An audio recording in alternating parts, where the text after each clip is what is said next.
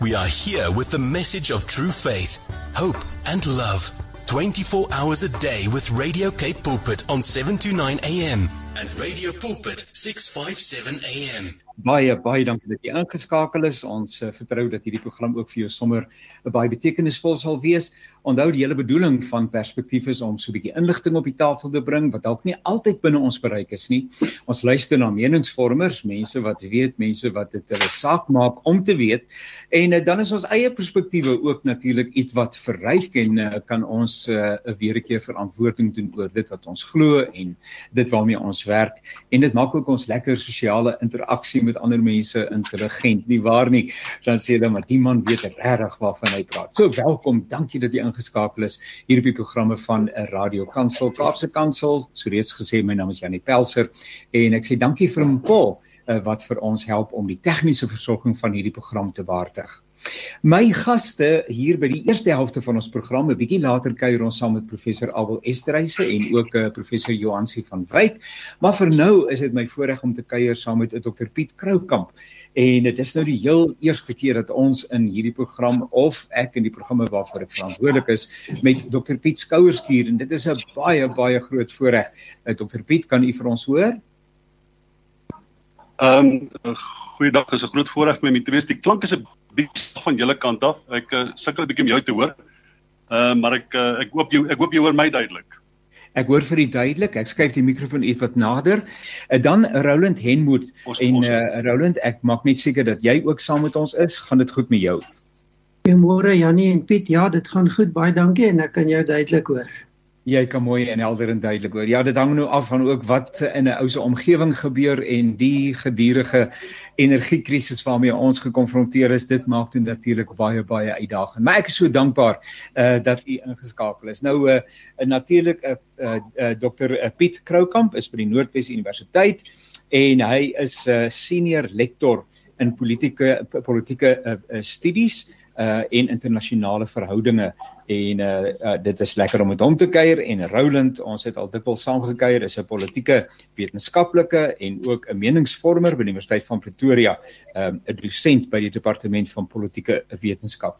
Kollegas, waaroor ek graag saam met u kuier is natuurlik uh, die mees onlangse gebeure binne die politieke terrein en daar gebeur elke dag iets is nou die uh, kabinetskommeling en um, Uh, dit het natuurlik nou 'n lang tyd gevat. Daar was baie gepraat daaroor wie sal nou inwees en wie moet uitwees ensovoorts ensovoorts. Elke persoon het sy eie mening en sy eie idee daaroor. Maar dit het uiteindelik nou in die afgelope week plaasgevind. Nou een van die redes wat aangevoer word waarom dit so lank neem om die aankondiging te doen is dat meneer Ramaphosa uh, wie se prerogatief dit is om die kabinet uh, dan nou te te te, uh, te organiseer soos wat hy dit goedvind dat jy met verskeie individue en uh, partye en meningsvormers en noem dit maar op uh eers moet konsulteer. Ehm um, nou ek vra sommer nou in Roland jy en en en en ehm um, dokter Piet moet sommer gemaklik inval die een na die ander en lekker saam kuier. Ehm um, uh as 'n mens nou so met die hele wêreld moet gesels om eers te hoor wat hulle dink en te toets wat jy dink.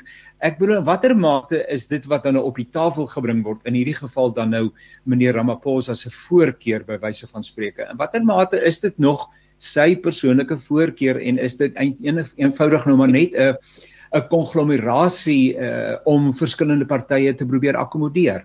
Kom ons begin by Piet. Uh, uh, Dr Piet. Ja, kom ek sodra jy sê my klank is nie goed, hulle weet vir my. Ehm um, as ek die beeld aan sit dan raak ek dan raak die klank regtig baie swak. So kom ons kom, kyk of ons so kan werk.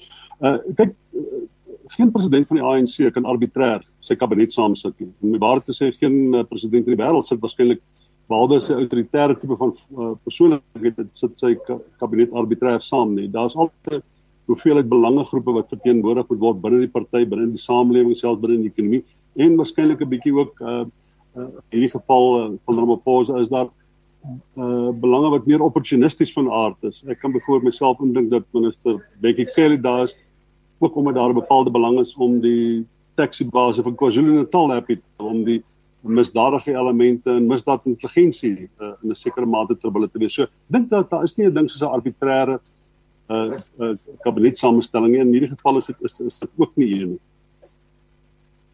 Uh, Roland, uh jou perspektief uh, met ander woorde, daar word dikwels gesê meneer Ramaphosa doen soos wat hy uiteindelik self besluit daaroor, maar eintlik is dit uh, is dit heeltemal te veel gesê. Ja, ek dink ons moet 'n onderskeid tref tussen die realiteite en die wêreld wat die ANC skep in hierdie konteks. Ehm um, die realiteite is soos Piet gesê het, niemand het absolute vryheid om te doen wat jy wil nie. Ehm um, daar's altyd belange en en ander sake wat in ag geneem moet word. En daar's basiese goed, verteenwoordiging, geografies, ras, geslag, ehm um, godsdiens, ideologie, daar's 'n veelheid van faktore wat enige leier in ag moet neem. Ek dink egter in die konteks van Suid-Afrika word daar baie rondgespeel met die prerogatief van die president. En dit is iets wat in die tyd van president Zuma baie belangrik geword het waar daar geskuil is agter die prerogatief van die president om sekere goed te doen rondom sy aanstelling en vervanging byvoorbeeld van minister van finansies op 'n baie kort basis en dit het geweldige groot impak op Suid-Afrika gehad op die welvaart van Suid-Afrika. En die manier wat die partye homself beskerm het was om te sê maar dis die prerogatief van die president. Die veronderstelling in die ANC is dat die president met al die belanghebbendes moet konsulteer en dan 'n uh, kabinet op daardie basis gaan aanstel. Wat nie duidelik is nie is wat behels hierdie konsultering. Is dit 'n kwessie van ek praat en ek lig jou in? Want dis die ANC se styl na buite, is dat mense eintlik ingelig word, nie regtig gekonsulteer word nie ehm um, tot watter mate sekere van die alliansievennote byvoorbeeld 'n werklike sê het in die aanstellings is baie onduidelik en baie vaag. So ja, die president het die prerogatief, maar die president moet ook ander belange in ag neem soos op ander plekke. Ek dink wat hierdie ronde in die ANC baie moeilik gemaak het is die geweldige verdeeldhede binne die ANC en dan die historiese probleem van korrupsie en die feit dat jy met soveel mense sit wat eintlik gekompromiteerd is dat die president baie min beweegruimte het. En miskien 'n laaste opmerking dat die simplistiese beeld van 'n korrupte Zuma presidentskap en en 'n so 'n Ramaphosa presidentskap wat korrupsie beveg en skoonmaak is misplaas. Korrupsie is so 'n deel van die ANC dat daar oral ook in die Ramaphosa kamp ernstige probleme is rondom individue En dit maak dit natuurlik ook moeilik rondom die toutrekkery wat plaasvind, die spesiale belange wat bedien moet word en die president wat die hele tyd moet letterlik keer vir sy wickets om seker te maak dat hy aan die einde van hierdie proses nog staande is. Dr Piet, ons ken ook vir meneer Ramaphosa as 'n konsensus tipe van mens, is dit nie so nie? Sy styl is om uh, te konsulteer. Ehm um, wat beteken dat hy nooit eintlik regtig sy eie stempel afdruk nie. Uh daar in die media word die teleurstelling dikwels uitgespreek dat uh, uh dat hy nie en ek ek noem die woord ruggraat, genoeg ruggraat het om uh om rigting aan te gee nie, maar uh dit is sy styl om eenvoudig mense met homself saam te neem uh en mense nie te vervreem nie. Ja, ek ek iemand nie praat my ek, ek weet sê die die idee van dat die president 'n bepaalde styl het wat uh, wat uh, byt konsulteer word soms 'n bietjie vermeng met die uh, idee dat besluite oor 'n lang tyd geneem word en noodwendig tot uitvoering kom nie. Die probleem met die Ramaphosa presidentskap is nie konsultasie nie. Dit die probleem is uitvoering en 'n deel van die konsultasie lei soms daartoe en meer dikwels daartoe dat mense wat nie noodwendig die vermoë het om uitvoering te gee aan wetgewing nie uh aangestel word in belangrike poste. Die ander ding is dat en jy sien dit nou toenemend in uh, Ramaphosa se kabinet is dat uh minister Gwedi Mantashe byvoorbeeld en Pravin Gordhan het nie eensstemmigheid uh oor die energieplan vir Suid-Afrika nie en hulle het ook nie eensstemmigheid noodwendig van die president oor die energieplan vir Suid-Afrika nie. En uh toenemend sal hierdie individue mekaar nie openbaar weerspreek wat hierdie plan betref en ek lei dit altyd terug na die wyse waarop Paposa sy kabinet bestuur. Ons weet reeds dat sy kabinet hy maak normaalweg 'n toespraak en dan uh, is daar ministers wat bepaalde uh, uh planne en prosedures op die tafel sit, maar daar is nooit 'n meer dingende gesprek tussen ministers uh, wat betref uitvoering, wat betref implementering, wat betref wetgewing, uh, wat betref finansiering en begrotings nie. En ek dink dis die grootste deel van die van die rede hoekom uitvoering so swak is en hoekom daar uiteindelik ministers is wat so mate van mekaar verskil nie openbaar dat niemand van ons kan sê wat is werklik die energieplan van die regering nie. Ek weet daar is 'n bepaalde plan wat op die tafel gesit is, maar mense veronderstel daar moet konsensus oor daardie plan wees. En ons weet daar's nie konsensus oor daardie plan nie. En as jy nie binne jou kabinet konsensus het oor so 'n plan nie, dan kan dit nie tot uitvoer gebring word nie. Ek dink dit is die groot probleem van Ramaphosa se kabinet. En dit is die mate waartoe hy die leiding binne sy kabinet neem wat daartoe dat daar 'n eenvormige tipe van beleidsraamwerk is en 'n eenvormige uh, fokus is om hierdie goed op voet te bring. Uh Dr Piet, ek gaan vra dat ons kontroleer uh, vir u uh, op die, op die selfoon. Uh u kan maar net bly waar u nou is, maar ek gaan net vir u op die selfoon kontak wat ek kan ook vir u baie baie moeilik hoor en ek dink dit hou alles verband met uh met uh, die elektrisiteitskrisis wat ons beleef. So uh, as u net luister, u selfoon gaan nou lui en dan sal ons uh uh regisseur sal hy vir u op daai wyse in die program inbring asseblief. Um ek wil net Paul um if you can hear me I trust that you can hear me will you please uh, just uh, uh, phone uh, Dr Piet Kroukamp uh, telephonically uh, by cell phone and connecting to the program please. Um just to indicate that you are indeed with me and that you are hearing me. Uh uh in this uh in this regard. Intussen uh gaan ons aan uh, uh Roland uh, ons sal nou hoor of ons uh, dit op hierdie manier kon gedoen gewees het gekry het en weer eens verskoning. Dit is uh ongelukkig deel van die realiteit waarmee ons tans uh, worstel. Ehm um, nou wonder ek uh, uh, uh, Roland, uh, as jy nou dink aan die kabinetskommeling, die lang verwagting, die opwinding wat daar oor was, die gedagtes wat uitgespreek is, jy's 'n politieke wetenskap, jy het waarskynlik by daai geleentheid toe die uh en saam met Dr Piet en ander mense uh die oor op die grond gehou, fyn geluister. Um, jou ervaring, jou jou jou eerste reaksie toe meneer Ramaphosa nou hierdie aankondigings doen. Ek dink die die eerste indrukke is ongelukkig 'n uh, terugflits na die Zuma era. En dan wat daarop gevolg het met meneer Ramaphosa self. En dit is dat daar word 'n aankondiging gemaak wat uitgestel word. En dan word daar 'n aankondiging gemaak oor 'n tyd wat nie nagekom word nie.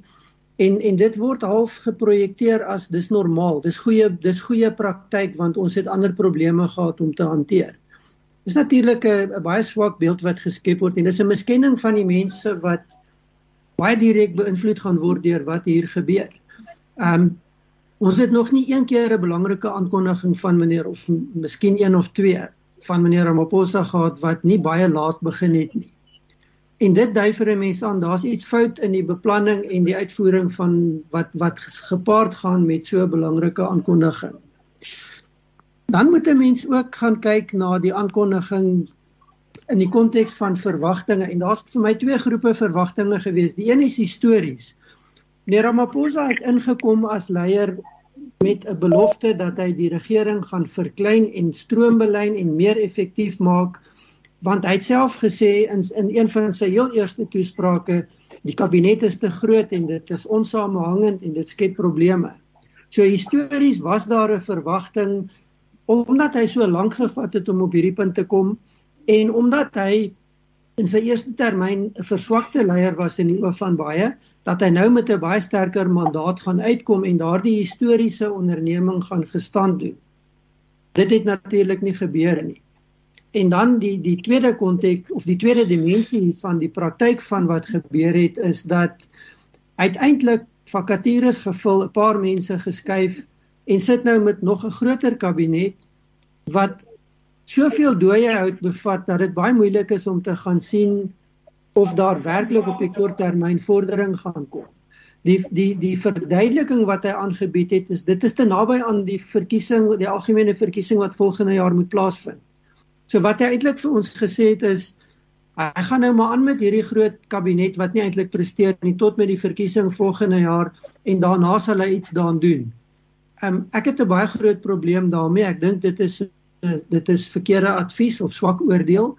Ehm um, die ANC sal moet presteer beduidend presteer om, vertroue te wen, terug te wen voor volgende jaar se verkiesing. Nou afhangende van hoe hierdie kabinet gaan funksioneer en daar's vir my twee dimensies in die kabinet soos wat dit tans lyk en en en dis nie nuut nie, maar dit is versterk is dat dit lyk al hoe meer of meneer Ramaphosa die sentrale besluitneming in sy kantoor sentraliseer en beheer en hy stel nuwe en jonger mense daaraan met die uitsondering van een of twee Dr Nkosazana Dlamini Zuma byvoorbeeld wat nou sin toe geskuif is En dan het hy 'n kabinet aan die buitekant wat breedweg verantwoordelikhede het, wat uitvoering moet doen. Maar dit is nie waar hy begin nie. Hy begin met die mense in sy eie kantoor. So hy het as dit ware 'n kombuiskabinet soos wat dit genoem word, 'n kitchen cabinet en dan het hy die normale kabinet. Nou dit kan dalk werk dat hy besluitneming dryf vanuit sy kantoor, maar dit kan ook natuurlik die proses verstadig, dit nog meer onsamehangend maak en dit open die deur vir nog meer interne kompetisie en verdeeldheid en al die negatiewe dimensies wat daarmee saamgaan. So dis vir my 'n baie moeilike proses om opgewonde oor te raak en en om net positiewe te sien in wat gebeur. Ek is amper geneig om te sê hierdie is net eenvoudig dieselfde wat ons gehad het in oortreffende trap. Dr Piet ek vertrou ons nou vir die uh, uh, beter aanlyn het. Ehm um, maar uh, aan die begin van sy voordrag en ek is nou nie 'n politieke wetenskaplike nie, ek is joernalis en leer by u en by Roland en by ander mense. Maar toe meneer Ramaphosa hier aan die begin die konteks waarbinne ons onsself bevind in Suid-Afrika uh, net weer 'n keer opsom en raak opsom, het ek gedink hier kom nou iets wat betekenisvol uh, gaan ver, veranderinge gaan teweegbring.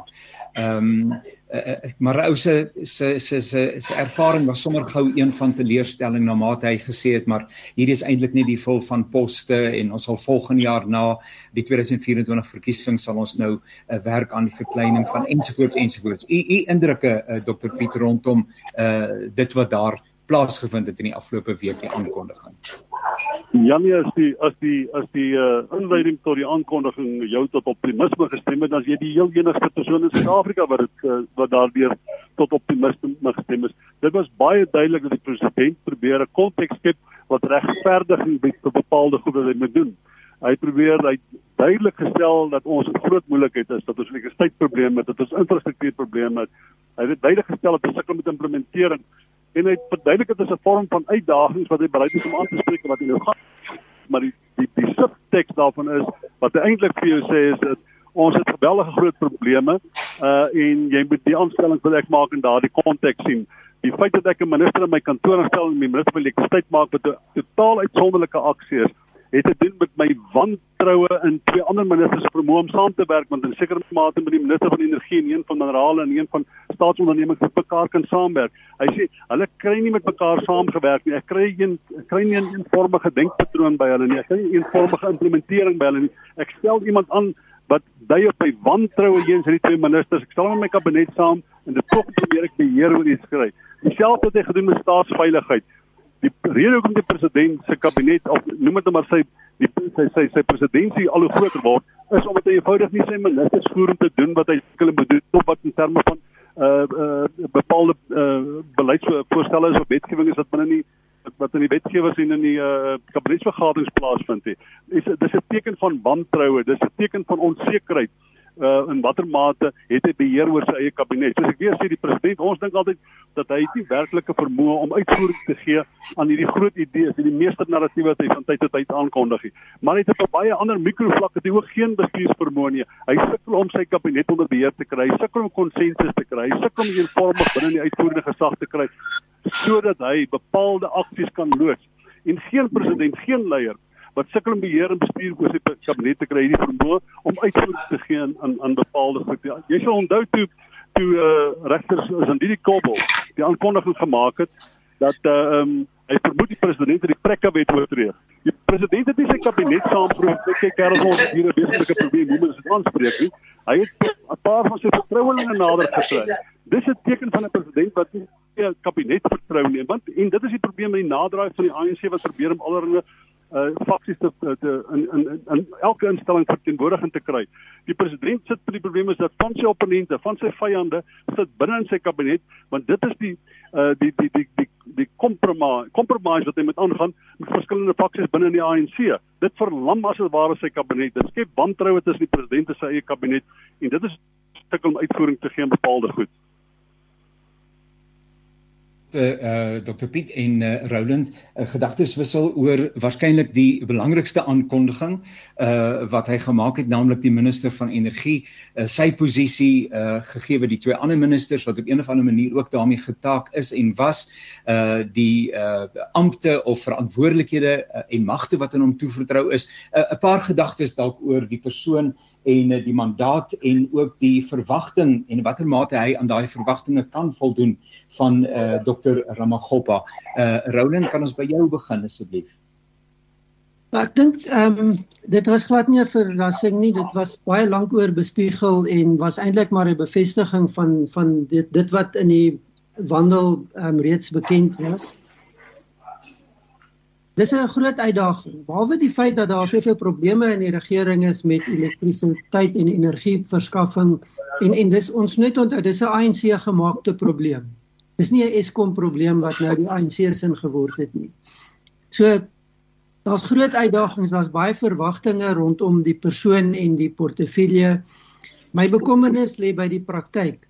Jy sit met swaar gewig politieke leiers, ervare politieke leiers soos Pravin Gordhan, soos ehm um, Willem Mantashe wat nie gelukkig is met hierdie aanstelling nie. Die vakbonde is glad nie gelukkig met hierdie portefeulje nie.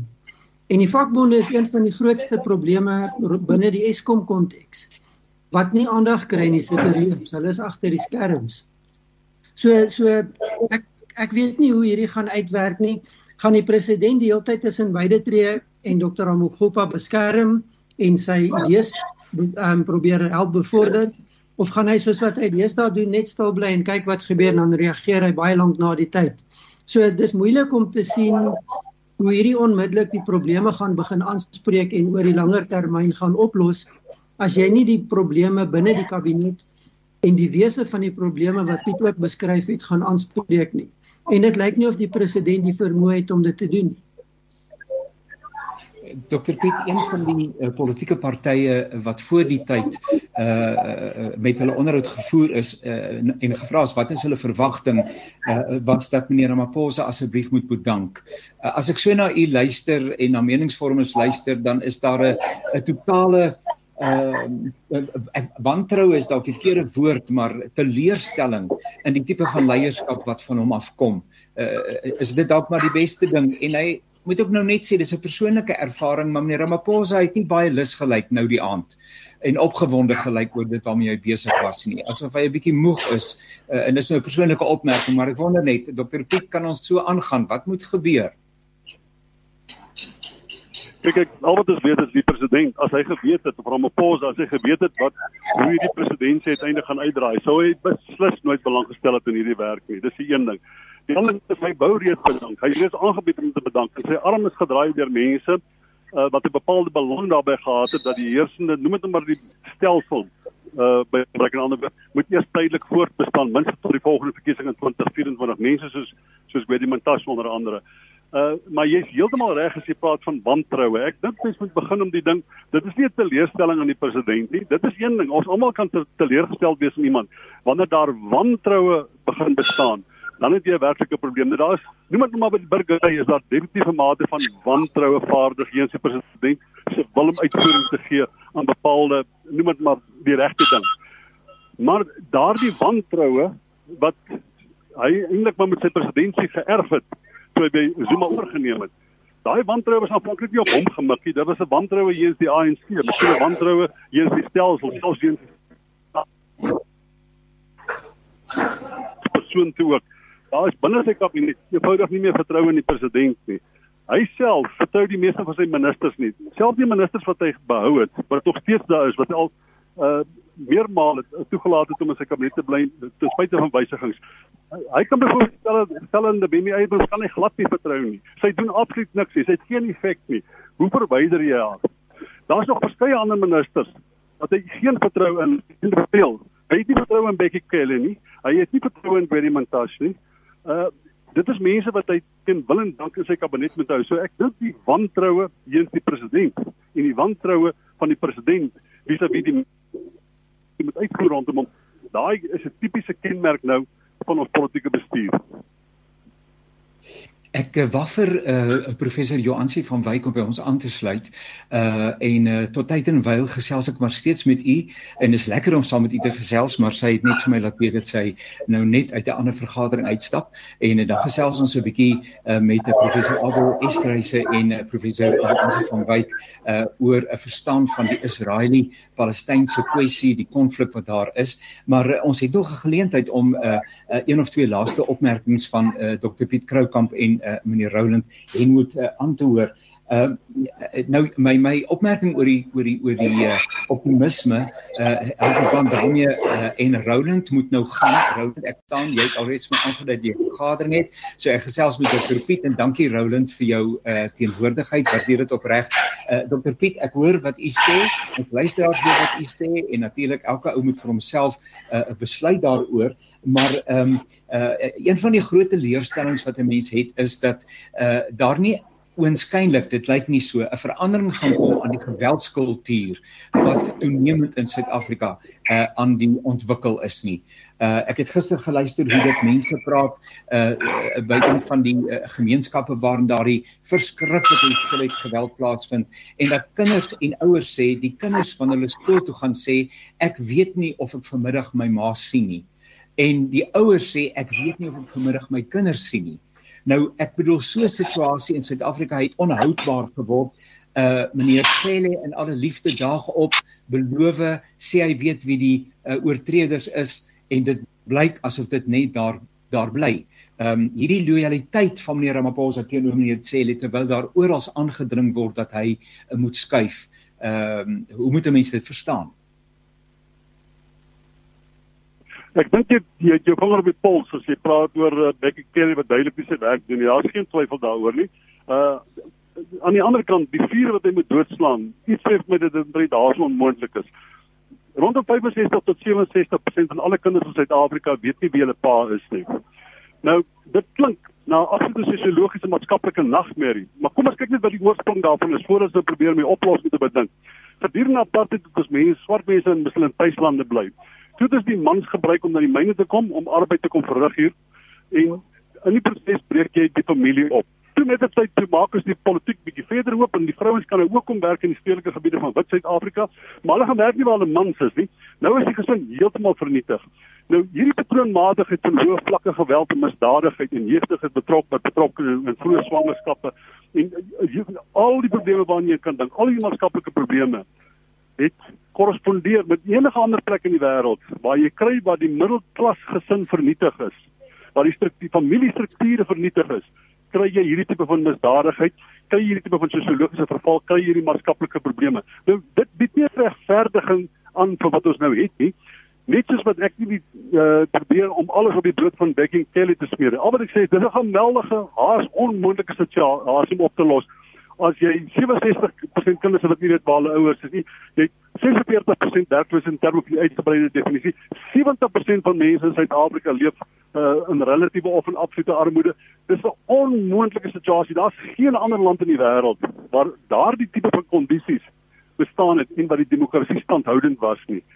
Ek dink eenvoudig die ANC is te korrup, te korrup, te korrup, te swak bestuur, te opportunisties, te vervalle om hierdie geweldige groot probleem aan te spreek. Ek weet nie of daar enige politieke party is wat dit kan aanspreek nie. Ek dink die probleem is nog groter as wat ons is en baie groter as die belastingbasis wat ons het. Maar die feit bestaan is dit is 'n enorme probleem wat ek nie dink uh ons baie maklik gaan oplos. In elk geval nie, ek weet nie Janie wat jy is nie. Ek en jy, nie in ons lewenstyd gaan ons 'n punt kry in Suid-Afrika waar werkloosheid onder beheer is, wat maatskaplike probleme onder beheer is, uh waar kinders weet waar hulle ouers is, waar daar uh, middelklas gesin is, waar die kinders uh, bedag skool toe gaan en terugkom met iets wat om te eet en die ouers in 'n drie slaapkamer huis. Daai tipiese middelklas struktuur gaan nie in my en jou leeftyd 'n kenmerk van Suid-Afrika. Dit is 'n kenmerk van Suid-Afrika. Dit is 'n kenmerk van die swart bietjie elite rondom 6 miljoen van hulle.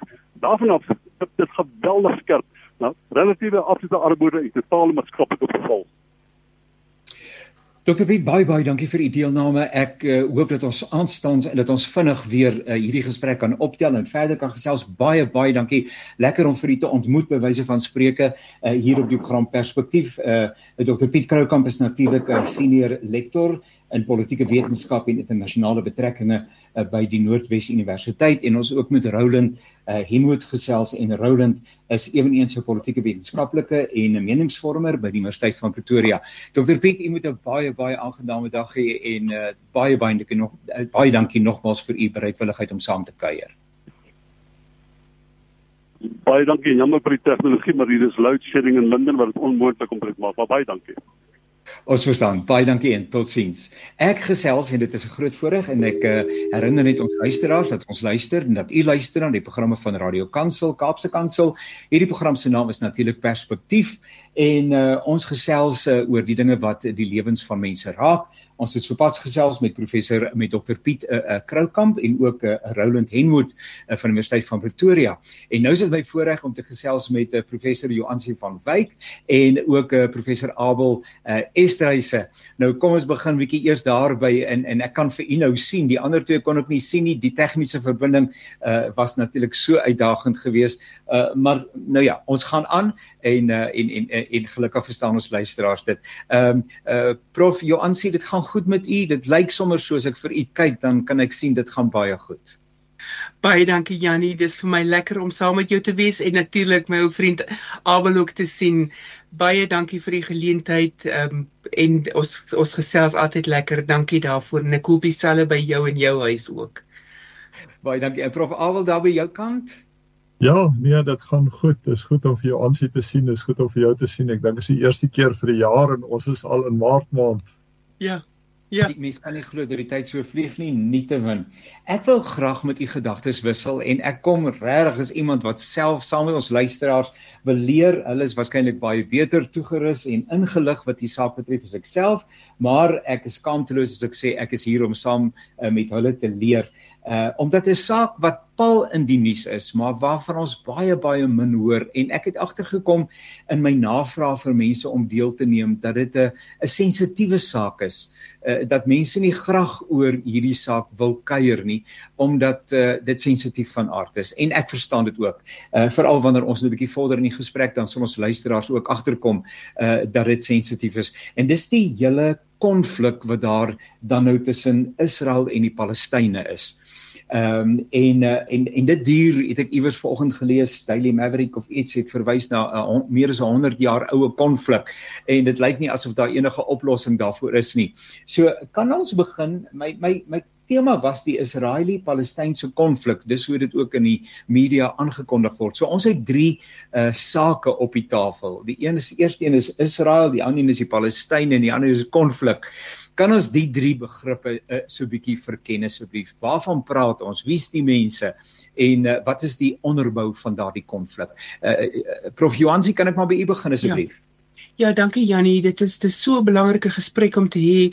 En soos jy weet, ons regering het ook 'n baie sterk standpunt om ons verhoudinge met Israel ehm um, af te gradeer. Ehm um, daar was nou in die parlement ook weer hierdie week besprekings daaroor en ehm um, dit is natuurlik belangrik ook as gevolg van die die situasie wat beskou word as 'n koloniale situasie en natuurlik ook die die apartheids ehm um, beskrywing wat gegee het. As ek begin by konflik, ons ons weet dat daar wapens gebruik word, ehm um, militêre wapens wat gebruik word teen teen hierdie verskillende groepe met uh, teenoor mekaar. Maar ons weet ook dat konflik is nie noodwendig net gewere en en militêre voertuig nie. Dit kan ook struktureel wees mense wat uitgesluit word uit sekere woongebiede, mense wat uitgesluit word en of toegelaat word tot sekere uh, posisies in die staat byvoorbeeld. En wederzijds is hierdie twee uh, partye, die Palestynë en die Israelies, natuurlik histories ehm um, nie aan dieselfde kant nie. En ons weet dit, ons kan dit terugneem na Bybelse tye. Die Midde-Ooste was maar 'n area van geweldige konflik, soos wat ons nie net met argeologiese bewyse sien nie, maar natuurlik ook as as gelowiges wat die Bybel lees, ons verstaan dat daar dit is 'n gebied wat histories gewelddadig gewelddadig was. Nou die die Palestynë het hulle self natuurlik nou um, in 'n situasie bevind en ek wil nou nie die geskiedenis um, lank uitrek nie, maar ons weet toe Israel geskep is in 1948 het dit 'n probleem geskep omdat dit spesifiek dan 'n staat vir Israelies en mense van ehm um, Joodse herkoms was. Nou ons weet dat daar histories um, wel Jode Israelies in die gebied gewoon het, maar dit het ook dan 'n gebied geword het waar baie van die Jode wat vervolg is en ehm um, ontheemd is as gevolg van die Tweede Wêreldoorlog nou 'n tuiste kon vind. Ja. Ehm um, en die Palestynë is natuurlik as 'n mandaatgebied deur die Volkebond beheer en mense kan nou dink hier word jou huis basies verdeel en toegedien gegee aan iemand anders. En kom ek kom ek hou eers daarop want want die gebeure van 48 het 'n geweldige impak tot waar ons vandag is. En dan sal ek um, as die geleentheid daar is verder uitbrei. Maar dit is waar hierdie twee groepe is. Dit is die kinders van Abraham wat mekaar nie goed verstaan nie en ons moet verstaan hoekom dit die geval is. Laat ek eers daar stop. Dankie. En kinders kan kan ek aansluit by jou aansê. Ehm uh, ja nee, want ek dink dis dis veral belangrik dat ons as Suid-Afrikaners reflekteer op die situasie in Israel juis omdat daar so baie parallelle is tussen wat in Suid-Afrika ontvou het uh en in ons geskiedenis en wat in Israel ontvou is. Ehm um, en en die kompleksiteit daarvan kom enerzijds uit 'n uh, uit 'n uit 'n teologiese perspektief waar's baie mense wat natuurlik uh, na die is, Israel-Palestynse situasie vanuit 'n teologiese en kom ons wees nou maar baie eerlik 'n baie gereformeerde perspektief kyk in in Suid-Afrika. Ehm um, daar's natuurlik die die parallelle wat 'n mens kan trek met wat in apartheid Suid-Afrika gebeur het en wat in in Israel aan die ontvou is op die oomblik en dis 'n belangrike dimensie wat ons moet ag moet hou want dit is uh, enerzijds die dimensie wat uh, die ANC as regerende party baie sterk oorvoel as hulle besluite neem. Ehm um, tweedens moet 'n mens natuurlik in ag neem die baie sterk verhoudinge wat daar was tussen die apartheidsregering en die Israeliese regering veral ehm um, in samewerking op militêre gebied en wat die ontwikkeling van wapentuig aanbetref en 'n mens hoef nou nie eers verder uit te brei oor ehm um, hoe daar vanuit ANC geleedere gereflekteer word op daardie verhouding nie. En dan natuurlik, jy weet, 'n mens moet belangrik uh, agslaan op die geografiese dimensie en ek dink dis 'n kritiese element van die die konflik wat ons vandag sien en Johan sê daaraan geraak uh die verdeling van die die grondgebied. Ek wil nou nie praat van the land issue nie, maar dit is waarop dit neerkom uh tot 'n groot mate toe dat daar 'n belangrike geografiese dimensie is aan die uh Israeli-Palestynse konflik.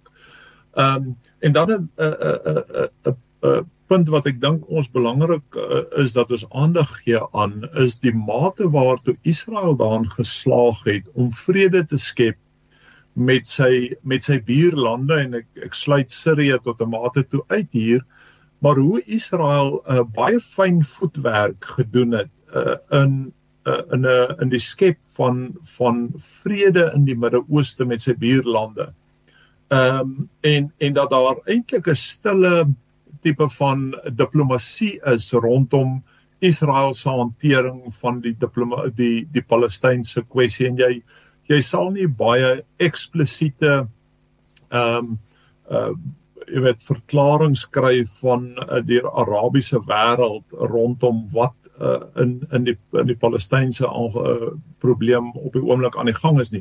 Juis omdat daar so stille diplomatie uh en 'n stille vrede geskep is tussen Israel en en sy Arabiese uh Arabiese bure. En ek dink dis 'n belangrike perspektief wat 'n mens uh moet moet belig as jy praat oor Israel se kwessie met die Palestynë op die oomblik.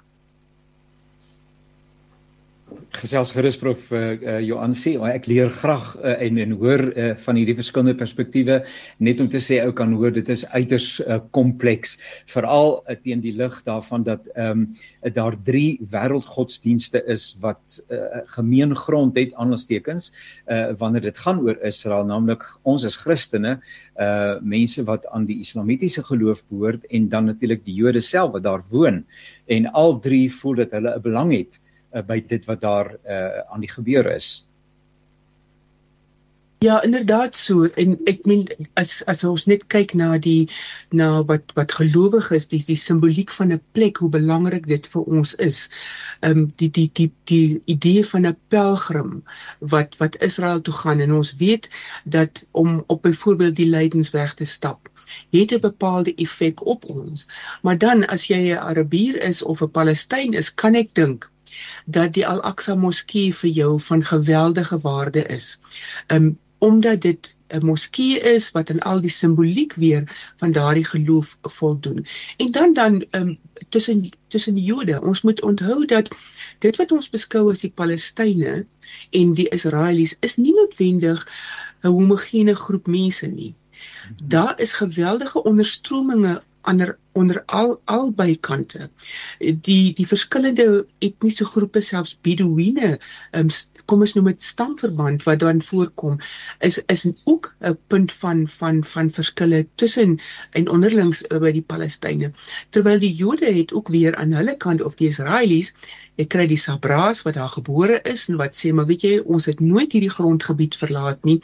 Ons het deur al hierdie geweld gesit en julle wat inkom, die Ashkenazi of die Sephardim, julle kom eis nou julle pond vleis. Ehm um, so da so ons moet ook in ag neem dat die onderlinge groepe het het ook werk te doen. En dan natuurlik as gelowiges, daar is Palestynë wat Christene is wat op die die Olyfberg woon byvoorbeeld en ons is geneig om hulle miskien um, uit te sluit uit gesprekke uit. Nou wat moet ons dan doen? Ons weet dat ons opdrag is om vrede te handhaaf en om 'n verskil te kan maak. En die voorbeeld wat ons dan kan doen is in diep verdeelde samelewings is om miskien te fokus eers op die ooreenkomste. Ehm um, en en ek dink in Israel se geval het die die fokus op ooreenkomste, die menslikheidsaspek, die behoefte aan wat um, die sosioloog Maslow verwys het na as die basiese behoeftes skuilings, kos en 'n sinvolle lewe byvoorbeeld. Um daar is te min aan albei kante se groepe veral van die burgerlike samelewing en miskien ook die geloofs ehm um, samelewing om hierdie verskille bymekaar um, of die ooreenkomste bymekaar te kan uitbring. Ons was gelukkig in ons land dat daar 'n groep intellektueles in die 80s begin uitreik het van alle kante om dan gesprekke te kan voer. En ek dink die daar's 'n tipe van 'n moegheid um wat ingetree het um die um, in in hierdie konflik.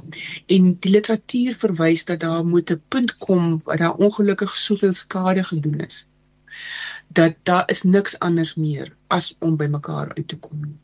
En hierdie konflik vlam natuurlik op en vernaamlik dan rondom vakansiedae van godsdienstige waarde of dan nou wanneer daar 'n um, 'n uh, kom ons sê maar jeugdig is of die Israeliese verdedigingsmagte net bietjie die lont het net te kort geraak en dan sien ons weer 'n opvlamming hiervan. So ek dink die die les wat ons miskien kan oordra is dat die gemeenskaplike uh hierde moet moet op die tafel gebring word en dan kan 'n gesprek werklik waar eers eers voortgaan. Die Ja nee, ek ek dink jou aansien dit baie baie mooi saamgevat. Ehm um, vir my is daar op die oomblik dink ek drie kritiese elemente wat uitstaan as ek dink aan die konflik uh, in Israel op die op die oomblik. Die eerste is die die die verskil in die ekonomiese situasie tussen Israel en die Palestynë. Ehm uh, Israel wat werklik 'n uh, 'n uh, eerste wêreld ekonomie in Israel tot stand gebring het en jy kontrasteer dit met die feit dat die Palestynë tot 'n groot mate toe uitgesluit is uit uit daardie uh, ekonomie uit.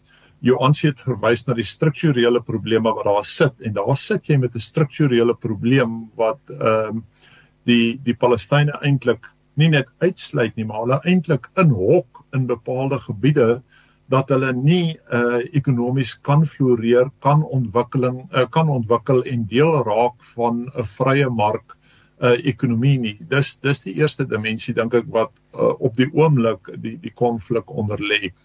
Die tweede dimensie dink ek is is die dimensie van van demografie. En Joansie het 'n bietjie aangesny in in terme van die verdeeldheid wat daar in beide samelewings is, maar daar's 'n ander element rondom die demografie en dit is doeteenvoudig uh in getalle opgesny dat die Palestynë in terme van getalle uh besig is om om so groot uh bevolking te raak dat jy hulle doeteenvoudig nie kan ignoreer nie en dit was 'n belangrike element van die die proses wat tot vrede gelei het in Suid-Afrika dat jy kan nie daai demografiese realiteit van getalle ignoreer nie en dit is besig om 'n realiteit te raak uh in in in die konflik.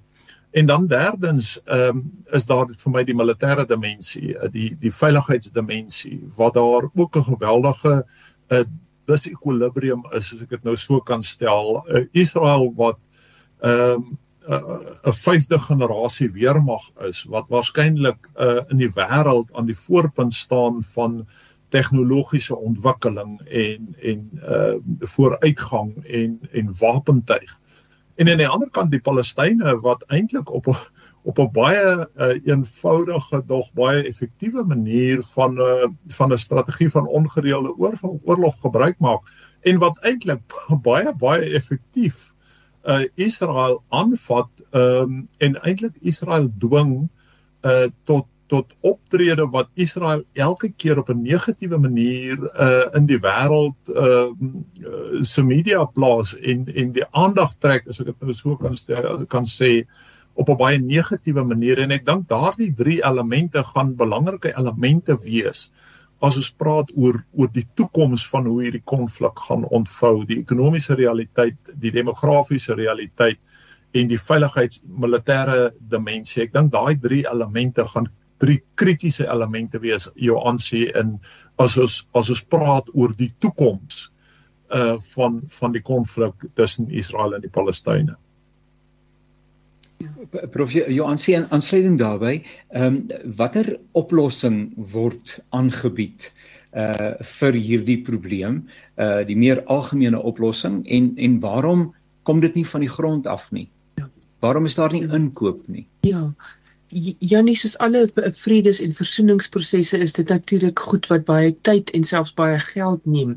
Nou ons weet byvoorbeeld rondom Jerusalem is die idee van 'n verdeelde stad soos wat ons in Berlyn gesien het net na die die Tweede Wêreldoorlog is een van die voorbeelde wat wat al klaar uh, basies in in die praktyk homself uitvind is dat die dat die oostelike deel van van Jerusalem is is basies nou alreeds 'n 'n Palestynse gebied en die westelike deel is basies dan nou 'n kom ons sê meer Israeliese Joodse gebied. Maar nou weet ons dat daar internasionale pogings was byvoorbeeld die Oslo proses um, wat gepoog het om dan nou die vrede hier te bring binne die um, Palestynse liber, uh, bevrydingsorganisasie vir altydens die uh, periode van Yasser Arafat het daar vordering plaasgevind. Dit was soort van ook hulle bevrydingsleierskap wat wat 'n mate van gesag uitgeoefen het, wat is wat 'n posisie bekleed het as 'n man wat homself met vrede begin het. Kom ons noem hom 'n hervormde terroris as ek dit so kan noem iemand wat basies dan nou legitimiteit gekry het deur te sê maar goed kom ons onderhandel en ons kyk kry ten minste net die gemilitariseerde uh, samelewing ons verminder dit net bietjie. Nou ons weet dat Amerikaanse presidente het omtrent elkeen vir die afgelope 40, 70 jaar probeer om betrokke te raak en dit raak ongelukkig 'n um, bietjie van 'n dryfsand. Um daar word ooreenkomste op papier gesit. Dit werk so vir 'n tydjie en dan verloor dit momentum. Want ons moet ook onthou iets wat dit 'n faktor wat dit ook kompliseer is dat terwyl Israel um, as 'n staat 'n taamlik geïnstitusionaliseerde regering en birokrasie het, is dit nie noodwendig die geval in die Palestynse gebiede nie. So in hulle geval moet daar ook dan nou staatsbou en staatsopbou en en heropbou basies plaasvind om ook te kan sê maar hier is ook 'n geleentheid vir ons om dan 'n mate van politieke soewereiniteit op te bou. Maar natuurlik gegee die faktore wat wat Abel genoem het, is dit baie moeilik om 'n staat of 'n staatsstruktuur onder hierdie tipe omstandighede te bou. So waarom daar dan nou 'n uh, binnelands nie gevorder word nie, is hierdie geweld wat voortduur ehm um, die die aanvalle wat plaasvind, hierdie asimetriese konflik waarna Abel verwys het, letterlik 'n slingerveld teen 'n atoombom. Ehm um, en ons weet dat dit is is is basies hoe baie van hierdie gebeure al homself al uitgespeel het, nie die gebruik van die bom natuurlik nie. Maar um, ek ek dink dat hierdie hierdie moegheid um, of hierdie fatigue waarna ek vroeër verwys het, het homself nou op 'n punt gedryf dat ons hierdie probleem gaan nie weg nie. Ons skiet mekaar aan flarde. Ehm um, ons weier om aan hierdie proses deel te neem, maar daar is grond ter sprake. Nou ons weet dat die Israelies is bekend daarvoor dat hulle woestyn mak gemaak het en dat hulle met hidroponiese boerdery en allerlei ander tegnologie werklike lewe in hierdie woestyn eh, kon gevestig het.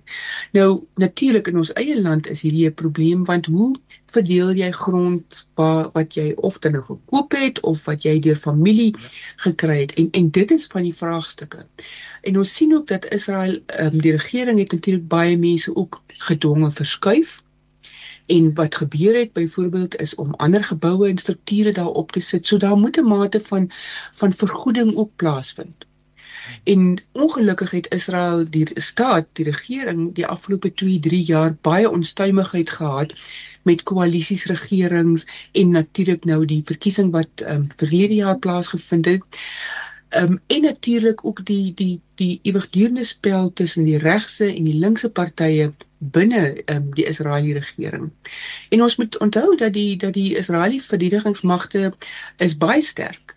Ehm um, vir hulle is daar 'n uh, uh, baie nou gedissiplineerde toewyding aan wat hulle doen. En en en ek dink die Palestynë is miskien nie so georganiseer nie, maar daarom moet ander vrede vredesprosesse werk. En dan moet ons ook onthou dat ek skiet tog dat dat konflik is vir baie mense 'n goeie besigheid. Dat solank 'n mens hierdie wurggreep kan hou, kan jy 'n klomp goed uit so 'n persoon uitkry.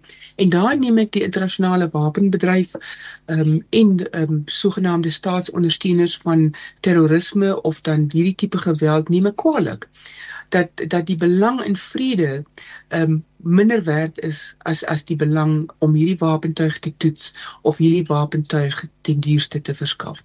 'n Ander faktor en gaan daarmee sluit vir die oomblik is die is die belangrikheid van die diaspora, die Palestynse diaspora en die Israeliese diaspora om tog dan nou van buite af ook dan tog te kan druk toepas. Tipies is diaspora vir al tweede, derde generasies is bietjie meer ekonomies beter daaraan toe en kan dan miskien bietjie meer politieke druk uitoefen. Nou hierdie pogings gaan dikwels aan, maar dit lyk my nie daai kritiese hoeveelheid en die massa wat benodig word is daar nie. En intussen is dit nog steeds aan die einde van die dag 'n probleem wat die Israelies en die Palestynë moet aanspreek want hulle woon daar en hulle het 'n konsep van hulle geskiedenis wat hulle aan mekaar moet verduidelik sodat hierdie hierdie konflik watter aard ook al um, ten minste um, vrede in mekaar se harte kan kan bewerkstellig. Dankie. Nou ja, dis omtrent waarvoor ons tyd het in hierdie program. Ek vertrou dat ons ook hierdie gesprek sal kan opvolg. Baie dankie vir alles wat u gedeel het en wat ek persoonlik ook kon leer. Professor Joansi van Wyk is by die uh, by menslike wetenskappe. Hoe sê mense, wat is die portefeulje? College of Human Sciences, School of Social Sciences, Department of Political Sciences. O aarde. Professor, dit lyk vir my u sit op baie stoele. Gee gou vir ons 'n beskrywing van die portefeulje. Um, ek dink Jannie dit is dit is een van die oplossings vir Israel is hierdie federale bestel. Ehm um, en, en dit is waar ek myself in die akademie bevind. Dis hierdie federale bestel van verskillende groepe wat 'n mens dan nou basies op die einde na jou plek toe bring, maar jy's verantwoordelik en verbind aan ander groepe. So dis ons huis is die is die fakulteit van geesteswetenskappe of menslike wetenskappe en ons is dan binne die sosiale wetenskappe. Maar ek is akademikus en 'n plaaskind. Dit is my enigste definisie. Dankie. En professor Abel Estreys is assosiaat professor en ek wonder of dit nog so is, maar dis ook om nou raadles op die internet uh, van strategie en ek gaan nou mooi in Engels lees. Abel Estreys is an associate professor of strategy in the faculty of military science of Stellenbosch University at the South African and toe is daar nie doetjie doetjie doetjie so jy moet nou die doetjie doetjie wat my volgaan. Dis seker die South African Military Academy ja. Vertel ek hier, waar pas jy in? Ja, ek het uh, ek sit by die departement strategiese studies uh by Stellenbosch Universiteit en die departement is in die fakulteit krygskunde. So uh dis is uh Johan sê ons ons het baie kringe wat ons om ons trek uh, en waar binne ons uh opereer. Uh en dis uh dis 'n interessante omgewing om in te werk. So ja. Baie dankie dat u uh, ook vir Radio Kansel Kaapse Kansel in daai kring insluit uh, vandag uh, saam met terwyl ons saam kuier. Professor Abel, baie baie dankie vir u tyd. Dankie. Professor Joansi, baie baie dankie vir u tyd. Dankie sien vir julle manne, dankie. Totsiens vir julle en dan ook aan ons luisteraars baie baie dankie. Onthou dis 'n spotgooi beskikbaar na afloop van die program en ewenigs aan Paul baie dankie vir die tegniese versorging. Tot 'n volgende keer, alles wat mooi is.